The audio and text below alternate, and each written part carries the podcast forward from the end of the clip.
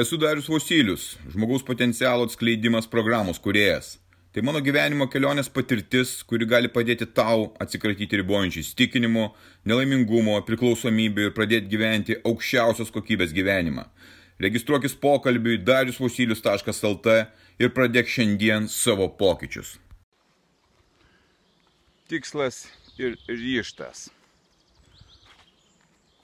atsitiko taip, kad pradėjau stebėti įvykius, kurie vyksta gyvenime, taip kaip aš elgiuosi, kaip aš reaguoju, ką aš matau ir kaip tai galėtų padėti man, mano gyvenime, spręsti mano gyvenimo iššūkius, mano sunkumus. Porą pastebėjimų. Prieš porą dienų teko, teko rūpintis inžinierijos tinklais. Reikėjo išsikasti dviejų metrų ilgio duobę kad prijungti kanalizacijos vamzdžius. Užsakiau ekskavatorių, kad jis atvyktų ir iškastų. Tai yra nu, pusvalandžio darbas. Kaip ir žadėta, ekskavatorius netvyko. Teko galvoti, ką daryti, ar laukti jo savaitę, dvi, tris dienas ar kiek, ar paprasčiausiai imtis pačiam to darbo. Nusprendžiau, kad aš pats imsiuos to darbo Ir tas darbas nebuvo pats lengviausias ir iš karto matys, kad jis nebus lengvas, nes reikėjo iškasti kelio atkarpoje, ten, kur sutrumbuota akmenis, e, tą būtent dviejų metrų atstumą. Ir aš pradėjau tai daryti.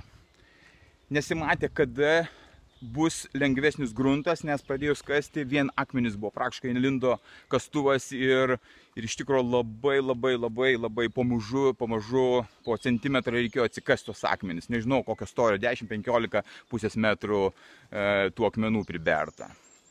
Taip ir gyvenime yra, kai tu nežinai, tu bandai kažką tai daryti ir, ir pašiausiai meti, nusivili, nebedarai, netesi tų darbų, tų darbų, ar tų siekių, ar tų savo svajonių. Taip ir šitoje situacijoje aš irgi pagalvojau, kad aš galiu mesti ir vis dėlto palaukti tą savaitę, galbūt atvažiuos, galbūt neatvažiuos. Bet aš, aš nepasidaviau ir iš tikrųjų po kokios valandos kasimo to sunkaus darbo man atsirado galimybė e, pamatyti jau tą gruntą. Ir, ir paprasčiausiai nuėmus tą sluoksnį aš nepasidaviau, kasimas buvo jau po to paprastas be jokių visiškai problemų. Taip ir gyvenime, jeigu mes nepasiduodame, praeinam tos sunkumus, tos išbandymus ir, ir mes einam ir pamatome ir pasiekim savo tikslus. Taip pat ir čia, miške. Čia yra tokia pušis ir buvo nuoroda prie kelio, kad tai yra lankytinas objektas. Važiavau tada žiemą. Važiavau, važiavau, kilometrą nuvažiavau, pusantro kilometro nuvažiavau, buvo rodiklė, kad yra kilometras 400 ir nematyti ir ne, neaišku, kur važiuoti. Sustojau tokioj kryškeliai, kurioje arba apsisukti, arba bandyti važiuoti. Ten yra 3 ar 4 keliai. Ir vis dėlto pagalvojau, gerai, aš tiek nuvažiavau, nerandu. Negi aš pasiduosiu ir dabar paprasčiausiai mėsiu visą šitą dalyką ir, ir nepamatysiu tos pušies, nes iš tikrųjų labai norėjau ją pamatyti, tą pušį. Ir sakau, ai, tiek tos, dar aš pavažiuosiu, dar aš pavažiuosiu šituo keliuku. Vėlgi, už 50 metrų visiškai šalia buvo ta pušis, už 50 metrų. Aš privažiavau ir aš pamačiau iš tikrųjų nuostabus medis, aš pasiekiau savo tikslą, gal jisai paprastas tas tikslas, bet gyvenime lygiai taip pat.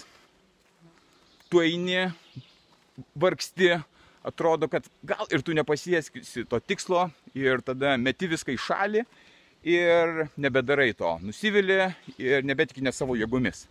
Bet jeigu tu sugebi įdėti kantrybės, kiekviename savo darbe, kiekvienoje savo svajonėje, bet kur, meilėje, finansuose, bet kur.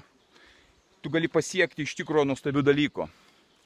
Reikia užsispyrimo, ryšto, kantrybės ir viskas yra padaroma. Tai kad siūlau nemesti tų darbų, kurie yra jums sunkus, kurie jums kelia iššūkius, kurie atrodo, kad nieko gero gali net nešti, nemeskite.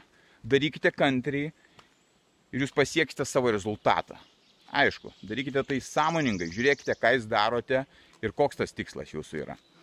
Bet viskas yra pasiekima. Nemeskite pusiaukelėje nei savo darbų, nei savo svajonių.